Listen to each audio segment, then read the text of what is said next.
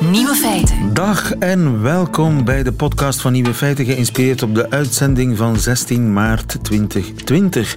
In het nieuws vandaag dat R.E.M. weer in de hitparade staat met een nummer uit 1987.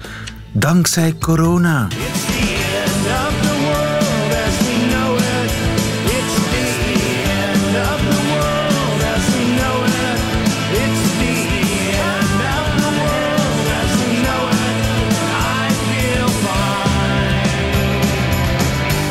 It's the End of the World as we know it staat sinds dit weekend plots weer in de lijst met meest gedownloade nummers ter wereld. En sinds gisteren zijn ze al 48 plaatsen gestegen.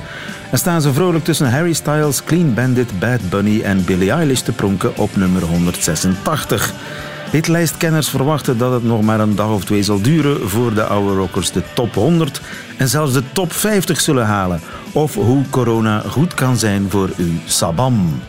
De nieuwe feiten vandaag. De coronaregering is er in België zonder NVA en zonder PS. Wat is er gebeurd?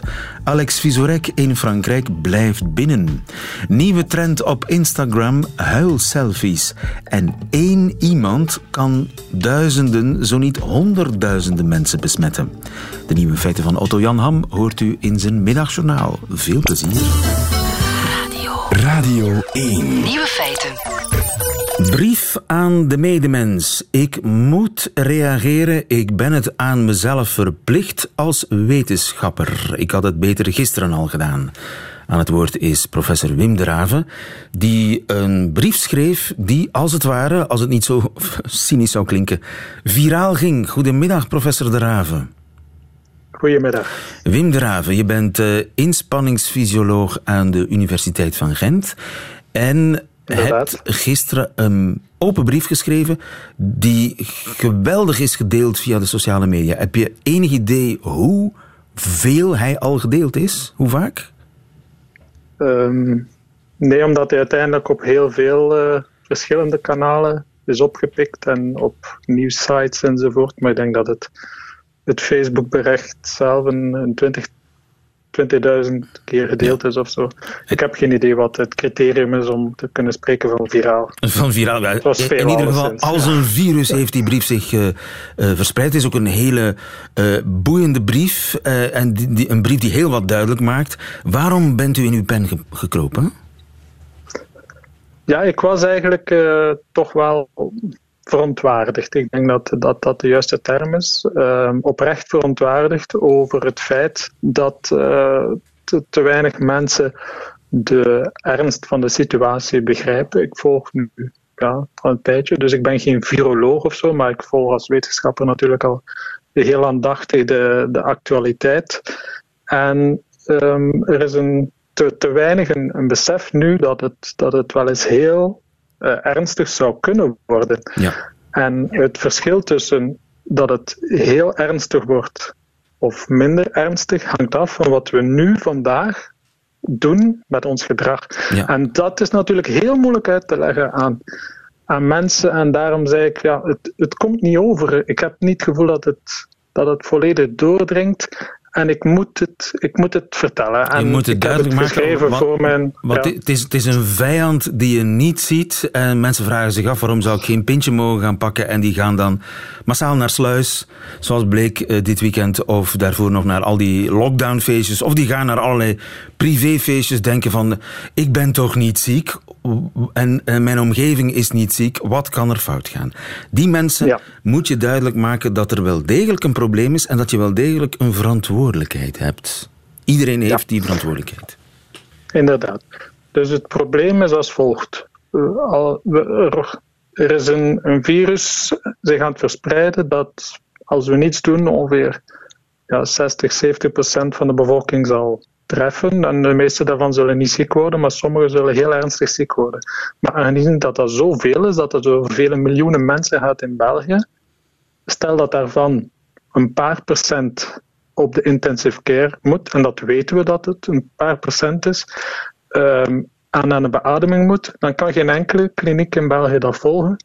En gaan we exact de toer op zoals in Italië.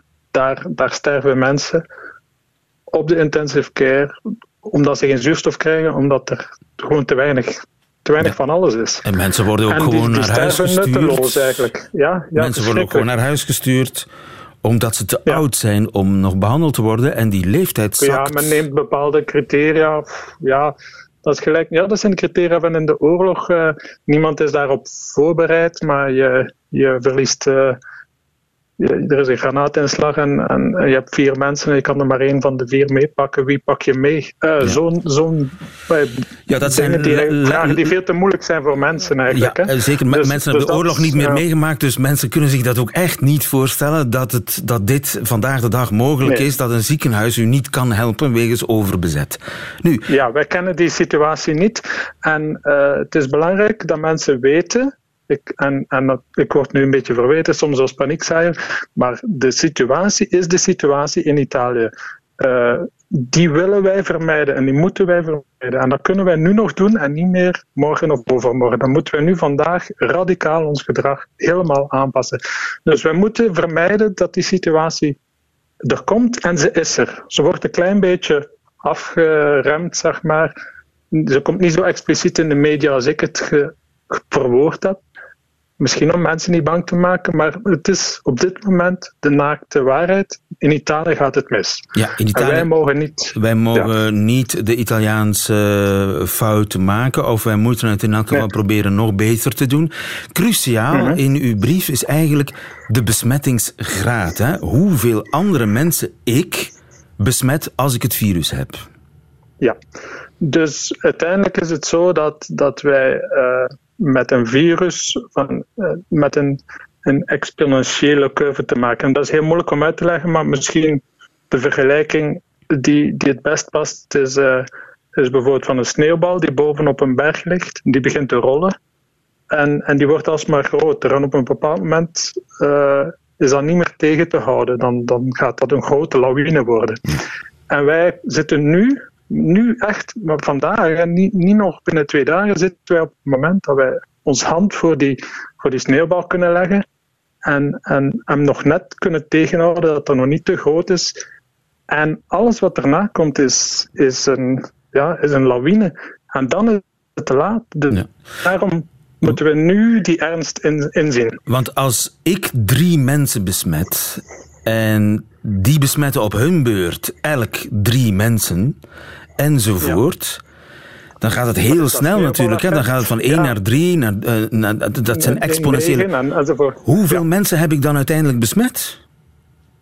Ja, dus na een aantal keren, na 10 of 12 of 14 keren, heb je, eh, dat dat dan doorgaat, heb je, heb je heel de Belgische bevolking besmet.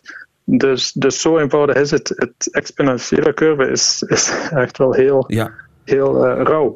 Dus Maar ehm, wij moeten dus die, die aantallen die je zelf kan besmetten, kleiner houden dan, dan twee eigenlijk ja, om, om geen exponentiële curve te hebben. Maar dat betekent dat je maximum met twee mensen nog fysiek contact mag hebben in een vorm dat je zegt: Oké, nu kan ik, kan ik eh, het virus doorgeven. En meestal zijn dat de mensen waar je bij woont en je lief enzovoort. Dus, dus dan houdt het al op. Dat is al meer dan twee. ja de, de enige Dus logische conclusie die ik kan trekken uit, uit jouw brief is thuis blijven. Echt gewoon thuis blijven. Ja, maar aangezien niet iedereen dat kan en mag, en nog niet alle werkgevers overtuigd zijn, maar dat is nu een proces dat heel, heel actief vandaag en morgen enzovoort bezig is. En, op elke werkvloer worden, zijn er nu discussies. Ik word benaderd door, door werknemers, door CEO's, door, door iedereen. Hoe, moeten we het doen? Want, want ja, op dit moment is, draait de economie nog. En eigenlijk eh, de landen die erin slagen om die besmettingsgraad graad onder de 2 te houden en dus de epidemie tegen te houden, zijn landen die volledig in lockdown gaan. Maar dat kunnen we natuurlijk niet, want we hebben nog altijd de mensen in de zorg nodig, we hebben nog altijd de mensen in de voedingslijnen nodig en de kinderen van die mensen moeten nog eh, opgevangen worden enzovoort. Maar het moet waarschijnlijk, en ik vermoed dat, dat de overheid het nog strenger zal Ja, er zal komen nog strengere ja. maatregelen aan, wellicht. En inmiddels Ja, houden we zo ver mogelijk afstand. Ik zit nu ongeveer twee, twee, zelfs bijna drie meter van de technicus. En ik zie hier voor mijn neus allerlei ontsmettingsmiddelen. Dus wij doen ons best, want uh, ja, anders moeten wij ook de tent sluiten. En uh, dat kan natuurlijk ook, uh, althans voorlopig toch niet de bedoeling zijn. Wim de Raven mag ik je van harte feliciteren met je brief en je moed. En ik hoop dat het bij heel veel mensen een bel heeft doen rinkelen. Dankjewel. Ja, Goedemiddag. Nieuwe feiten. Coucou de France. Met Alex Visorek. Als het maar geen coucou de corona wordt, coucou de France. Uh, elke maandag heb ik uh, gelukkig een uh, coronavrije, want via de radiogolven ontmoeting met onze landgenoot en mijn collega bij Radio France, Alex Visorek. Goedemiddag Alex, alles goed? Ja, goedemiddag lieven. Ik zit wel in Frankrijk, maar thuis. Je reste confiné. Uh, ik blijf zoveel mogelijk op mijn stoel. Uh, het was hier ook een bijzondere week. De Fransen moesten gisteren stemmen. De eerste ronde van uh, les municipales. Maar er was natuurlijk eerst iets anders in het nieuws. Françaises, Français, mes chers compatriotes. Depuis quelques semaines, notre pays fait face à la propagation d'un virus le Covid-19 qui a touché plusieurs milliers de nos compatriotes. Mes chers compatriotes, dat is president Macron zelf. Uh, ja, donderdagavond heeft president Macron live op televisie het woord genomen. En het was een historisch record voor een officiële speech. Het werd bekeken door 25 miljoen Fransen. En Macron heeft beloofd om alles te doen en om het even hoeveel het kost om de gezondheid van de Fransen te beschermen. En dat betekent drastische maatregelen. Dès lundi et jusqu'à nouvel ordre, les crèches, les écoles, les collèges, les lycées et les universités seront fermés. Allemaal gesloten universiteiten, scholen, colleges, crèches. Ja, maar uh, je moet vooral luisteren hoe die aankondiging onthaald werd op de internaten.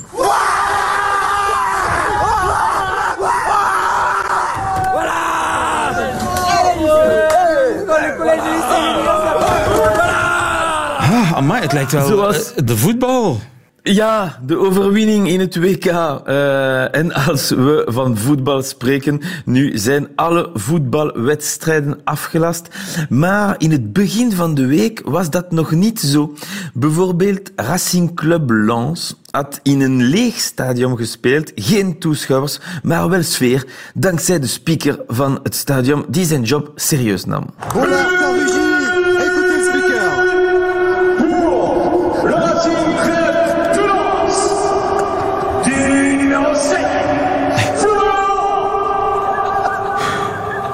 Wauw. Ja. Hij riep wel goal van Thomas en wachtte op het antwoord van het publiek. Maar dat gaf hij zelfs, want er was geen publiek natuurlijk. Maar toch vol energie. Ja, en iemand die minder energie heeft momenteel is Franck Riester, de minister van Cultuur. Le ministre de la Culture a été testé positif au coronavirus hier. Il est actuellement confiné chez lui. Oui, Ja, de Franse minister van Cultuur heeft het coronavirus. Ja, in Vlaanderen was er sprake van minder cultuurbudget. In Frankrijk is het zelfs minder minister van Cultuur, althans voor een tijdje. Enfin, de beste manier om het eh, virus tegen te houden is toch niet altijd voor iedereen duidelijk. Neem deze tv-show. Voordat het publiek de zaal binnen mocht, moesten ze eerst hun temperatuur meten. En daarna kwam een arts daarover in de show spreken. D'ailleurs, avant d'arriver dans cette émission, j'ai l'impression que le public a passé ce test. C'est ça exactement, oui. Voilà. C'est ce qu'on bon, fait bah, ici. Ça sert à rien. Ça sert à rien, bah merci. Enfin, merci professeur Annette. Pourquoi, pourquoi, pourquoi Ça sert à rien. Dat is, dat is totaal nutteloos. Hoezo? Ja, nutteloos. Uh, omdat je uh, met uh, medicatie je temperatuur kunt laten zakken. daarnaast hebben andere Fransen ook andere belangen. Coronavirus toujours, quelle est la phrase d'accroche à la mode sur l'appli de rencontre Tinder ne m'embrasse pas. Négatif. Non, c'est salut. Est-ce que tu penses qu'on va tous mourir? Puisque c'est la fin du monde, autant se rencontrer très vite. Ja, liefde in tijden van corona. Ook Tinder gaat door. Ja, als, en de, de meest eh, bevraagde vraag op Tinder is: als wij dan toch zullen sterven, beter eerst wat plezier maken. Voilà, maar premier Edouard Philippe heeft op zaterdagavond nieuwe maatregels genomen. Bars en restaurants moeten nu sluiten. Fransen zijn nog niet in quarantaine, maar bijna. Maar uh, moeten wel aandacht hebben voor sociale distancing. C'est ce qu'ils appellent la distanciation sociale. Je ne vous dis pas que c'est un joli terme.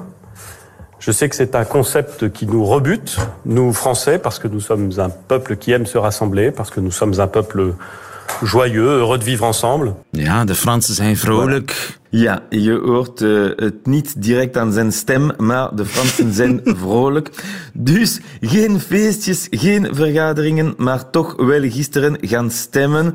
Maar over de verkiezingen vertel ik zeker meer volgende week. Hopelijk tonen de Fransen nu dat ze niet alleen een vrolijk, maar ook een volk die het WK verantwoordelijkheid zou kunnen winnen en de Belgen ook. Dat is een mooi kampioenschap. Het kampioenschap verantwoordelijkheid dragen. Wie wint de Belgen of de Fransen? Ik ben benieuwd. Hou ons op de hoogte. Tot volgende week bij Leven en Welzijn. En blijf op je stoel zitten, Alex Visorek. Ja, ik blijf hier. Hopelijk. Tjus. Nieuwe feiten. En toen hadden we plots een coronaregering. Johnny van Zevenhand, goedemiddag. Goedemiddag. Onze man in de wedstraat. Het is op een rare manier gegaan. Hè? Want we kregen signalen eind vorige week. Ja, er zit een noodregering aan te komen. Met PS en NVA erbij. Dat vonden ze eerst allebei een goed idee. En het is toch helemaal verkeerd gelopen. Hoe kan dat? Wel, uh, een van de onderhandelaars zei: het was een hallucinante 72 uur in de nacht van zaterdag op zondag, toen ze rond twee uur s'nachts uit elkaar gingen, de onderhandelaars, ging iedereen van uit dat er inderdaad een regering ging komen met PS en NVA. Om tien uur kwamen de zogenoemde Sherpas, die dus meer teksten helpen opstellen, die kwamen samen om de regeringsverklaring uit te werken. Maar intussen kreeg ik signaal om twintig voor tien dat ik dus moest bellen dat er nieuw nieuws was.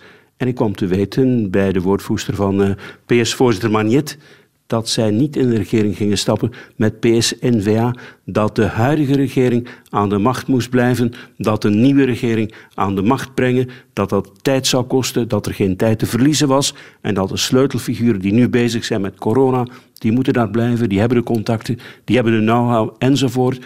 Dat was wat ik hoorde. Ja, en dat klinkt eigenlijk ja, redelijk rationeel. Van ja, er is een kapitein bezig, er is een ploeg bezig, we zijn in volle crisis, eh, medische crisis.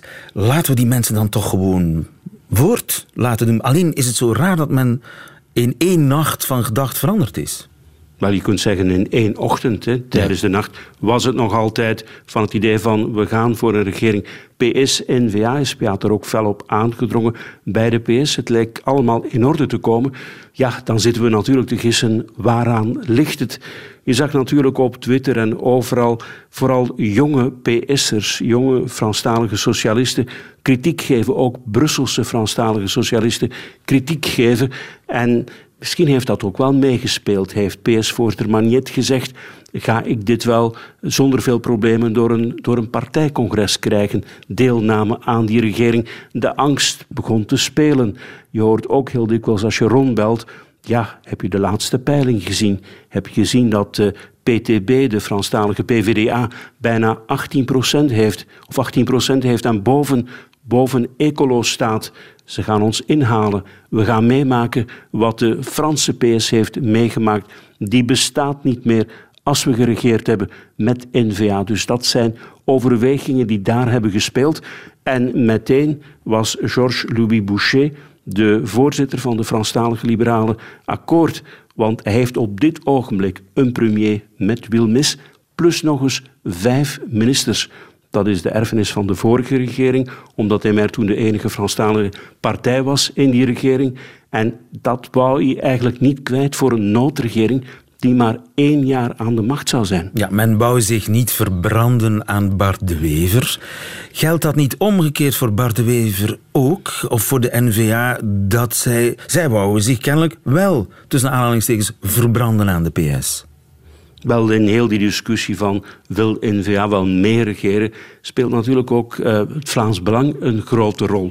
Want stel dat het ooit zou lukken om een regering te maken die, die geen meerderheid heeft in Vlaanderen, maar die wel uit de groenen bestaat, uh, CD&V, SPA, Open VLD aan Vlaamse kant, zonder N-VA, dan zit N-VA samen met Vlaams Belang in de oppositie. En we zien de peilingen, nu de laatste van het laatste nieuws, VTM, zien we dat, uh, dat Vlaams Belang een forse voorsprong heeft. Dus 28% tegen, tegen een goede 20% voor N-VA. Als je dan samen in de oppositie zit, N-VA, Vlaams Belang, dan moet je die regering bestrijden zonder N-VA. Ja, dan moet je in overdrive gaan als je wil sterker zijn dan Vlaams Belang. Dat betekent dat N-VA zou kunnen radicaliseren. Radicaliseren op het gebied van migratie, radicaliseren op het gebied van staatshervorming. En dan zijn de centrumkiezers, die ook wel heel erg geïnteresseerd zijn in N-VA, die bijvoorbeeld uit de rechtervleugel van Open VLD komen of van CD&V. En als dan Vlaams Belangachtige taal gesproken wordt door die N-VA'ers, ja, dan dreigen die mensen uit het centrum te vertrekken. En kan Bart de Wever zijn grote volkspartij vergeten. Dus dat zijn ook overwegingen die daar dus daar was de goesting groter om die noodregering te vormen.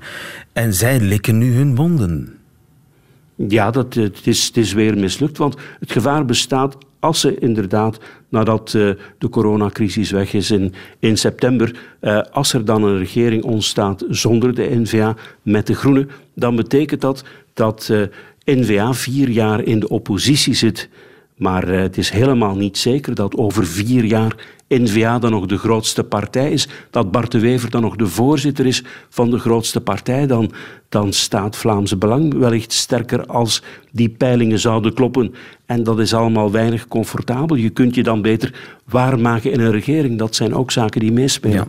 Blijft natuurlijk de bevolking, hè, die zit in volle coronacrisis. Hebben zij nu de best mogelijke regering?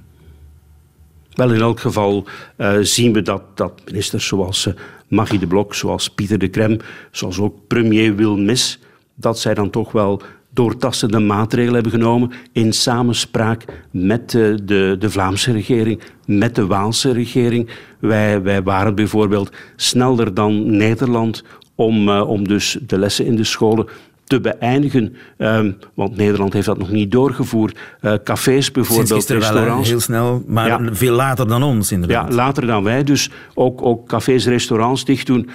Uh, sneller dan Frankrijk. Dus die, die regering, samen met de gewestregeringen, heeft wel doortastend en moedig gewerkt en ook volop steunend op wetenschappers, uh, zoals uh, Mark van Rans bijvoorbeeld, en die, die toch wel heel duidelijk zeggen, ja, contact, hou, hou zo weinig, blij, zorg dus dat er social distancing is, distancing is dat er te, niet veel contact is, dat, dat het virus niet de kans krijgt om over te springen. Dus ja, het is ja. toch wel het is, een regering met weinig, het is een regering met weinig partijen, maar misschien is dat geen nadeel. Ik denk dat, uh, dat iedereen zijn verantwoordelijk neemt, maar het is ook een geheel. Er wordt heel dikwijls gezegd over België, ja, de, onbestuurbaar enzovoort enzovoort. Maar je zou eigenlijk moeten zeggen dat België een vliegtuig is met vier motoren, een federale regering en dan de Waalse, de Vlaamse, de Brusselse regering. En inderdaad, uh, drie van de vier motoren draaiden niet. Maar nu de regering voor corona uh, het vertrouwen zal krijgen uh, deze week in de Kamer van ook de oppositie, dat ze volmachten gaan krijgen. Dus voor, voor corona zal die regering dus ook op volle kracht weer werken. Dus vier van de motoren draaien. Het is wel zo dat die vierde motor maar tijdelijk zal draaien, want in september zijn die zes maanden voorbij van volmachten en van het, van het afwerken van de problemen rond de coronacrisis. En dan, dan moet het weer beginnen, die regeringsvorming. Je zou kunnen zeggen, de regeringsvorming is voor zes maanden on hold gezet. Er is wel geprobeerd door, uh, door NVA, door SPA, door CD&V om van die coronacrisis een opportuniteit te maken. Je hoort dikwijls never waste a good crisis. Een opportuniteit te maken om door te duwen, om inderdaad een regering PSNVA mogelijk te maken met de grootste partijen uit de twee landsdelen. En dat is niet gelukt. Dus, en ik vermoed dus dat in september de oude veto's die er al waren, dat die zullen blijven. En dan ja, moet dan wel eens een keuze gemaakt worden. Zullen PSNVA ooit lukken? Um, er zijn in elk geval weer extra wonden geslagen. Die zullen wel wat vergeten zijn over zes maanden. Um, en anders moet er gekeken worden naar die coalitie met de Groenen en Vlaamse minderheid enzovoort. Ofwel, ja, blijft dat maar aanmodderen en aanmodderen en aanmodderen. Ja, dat zien we dan over zes maanden. Maar we hebben nu eigenlijk zes maanden uh, ja, een soort einde van de politiek politicien. Wel, wat, wat we wel hebben is, wat niet corona is. Stel bijvoorbeeld dat je nog een justitiehervorming wil doorvoeren of zo. Daar heeft deze regering heel weinig macht. Maar uh, er zijn dwingende maatregelen die moeten genomen worden in verband met uh, corona. Niet alleen die gezondheidsmaatregelen die nu genomen worden, maar bijvoorbeeld ook uh, bedrijven ondersteunen, KMO's ondersteunen. Wanneer die over de kop gaan, dan zullen die 600.000 banen die onder de regering Michel gecreëerd zijn, uh, wegsmelten als sneeuw voor de zon. Dus bedrijven zullen moeten geld toegestopt worden dat ze kunnen overleven. En, en ik hoor nu dat er, dat er een plan is om al meteen een, een miljard euro op tafel te leggen. Dus dat moet vooruit gaan, want anders ja, gaan we een verarming organiseren. Ja, zes maanden on hold en in september zien we wel weer of de veto's nog overeind blijven. Helder, dankjewel. Johnny van Zevenhand, goedemiddag. Graag gedaan.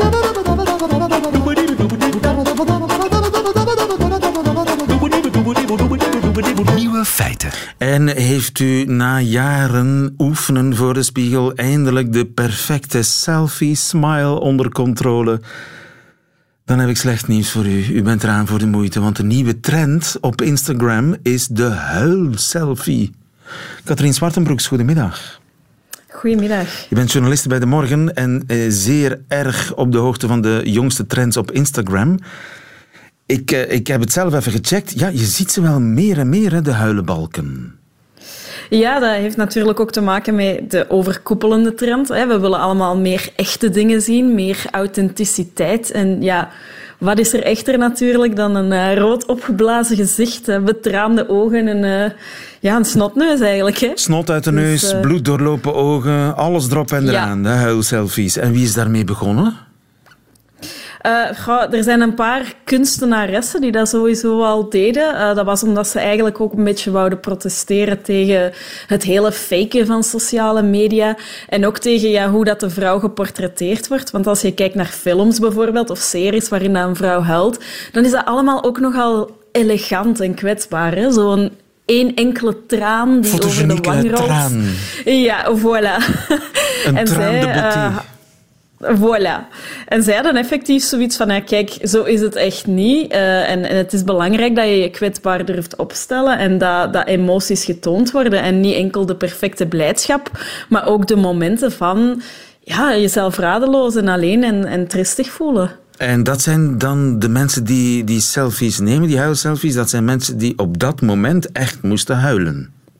Ja, effectief. Dat is, dat is niet gestaged. Um, nu, je, je kondigde het ook al aan, hè, in de spiegel kijken. Ik denk dat wel een aantal mensen al wel eens in de spiegel hebben gekeken na een huilbui of tijdens een huilbui.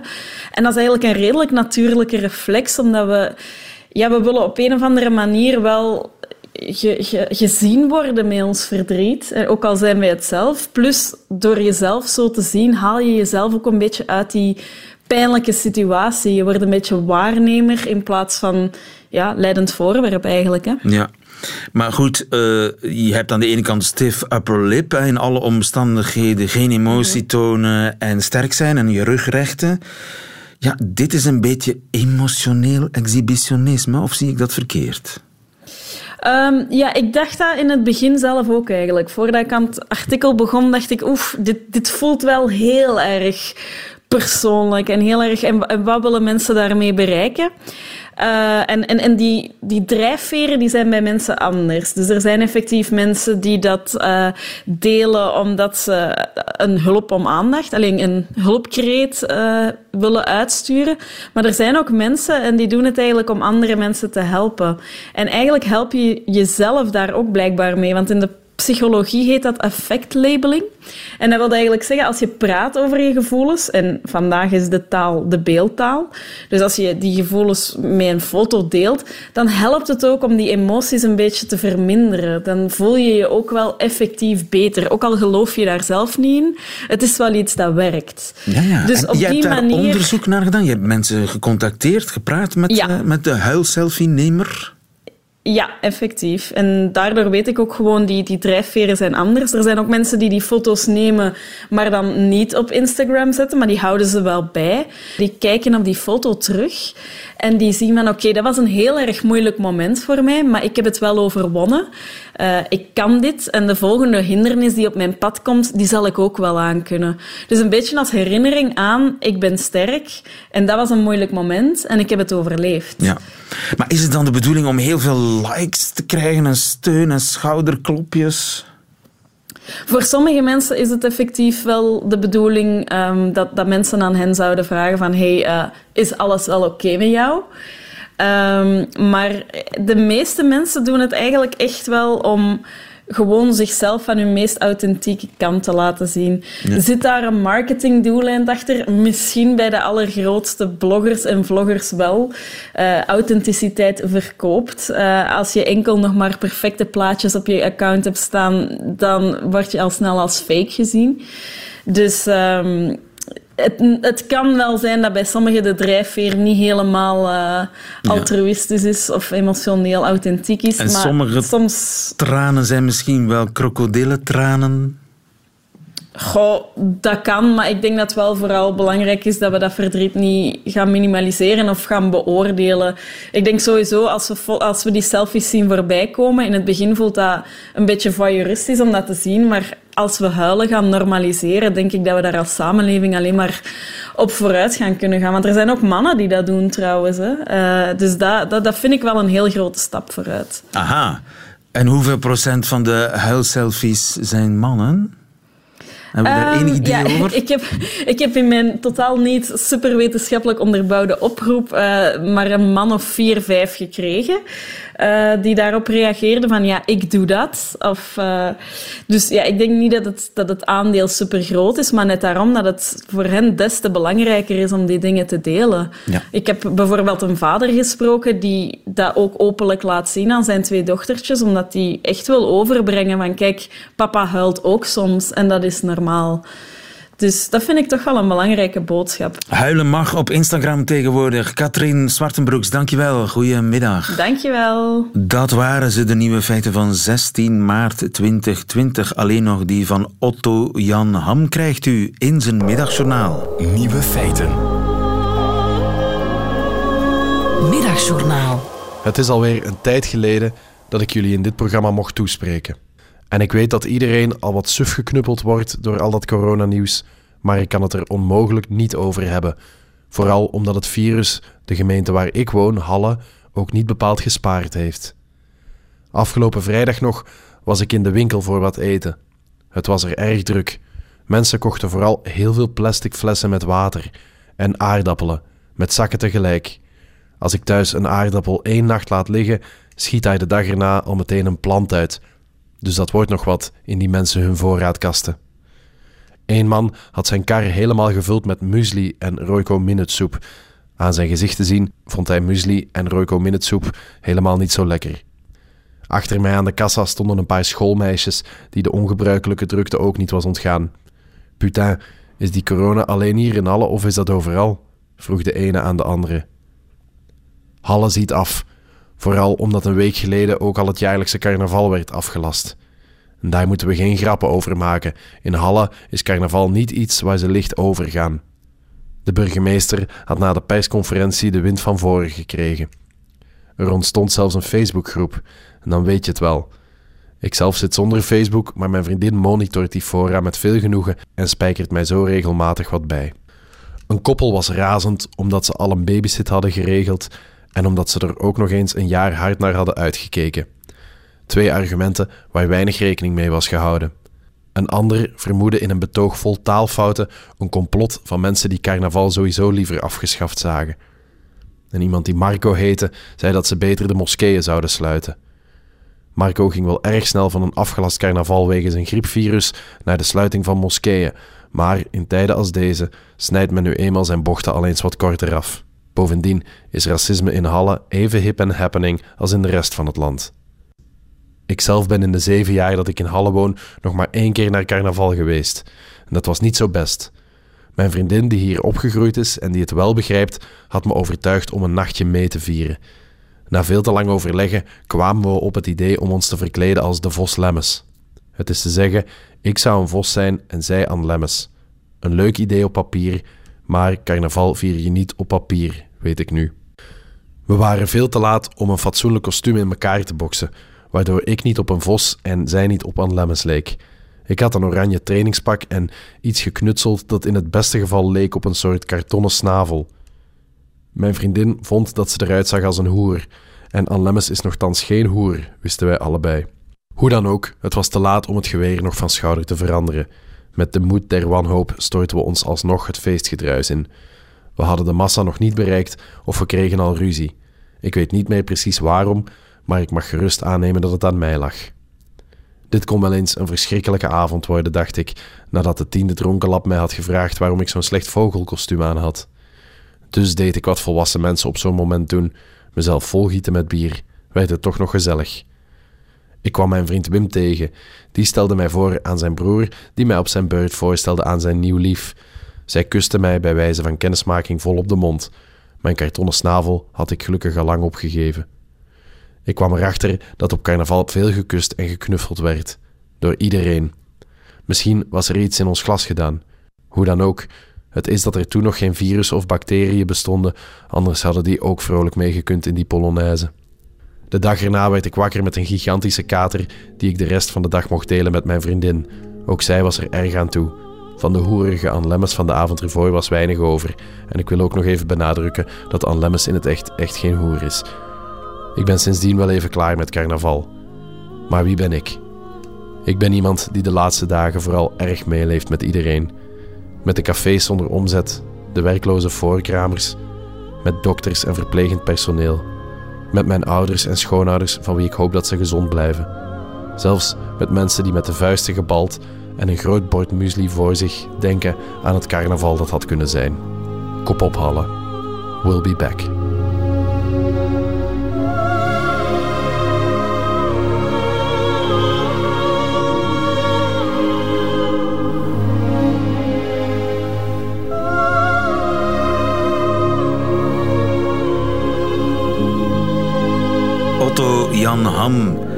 Vanuit zijn uh, stoel in Halle. Einde van deze podcast. Hoort u liever de volledige uitzending met de muziek erbij? Dan kunt u terecht natuurlijk op onze app, de Radio 1 app. En voor meer podcasts gaat u naar radio1.be bijvoorbeeld. Tot een volgende keer.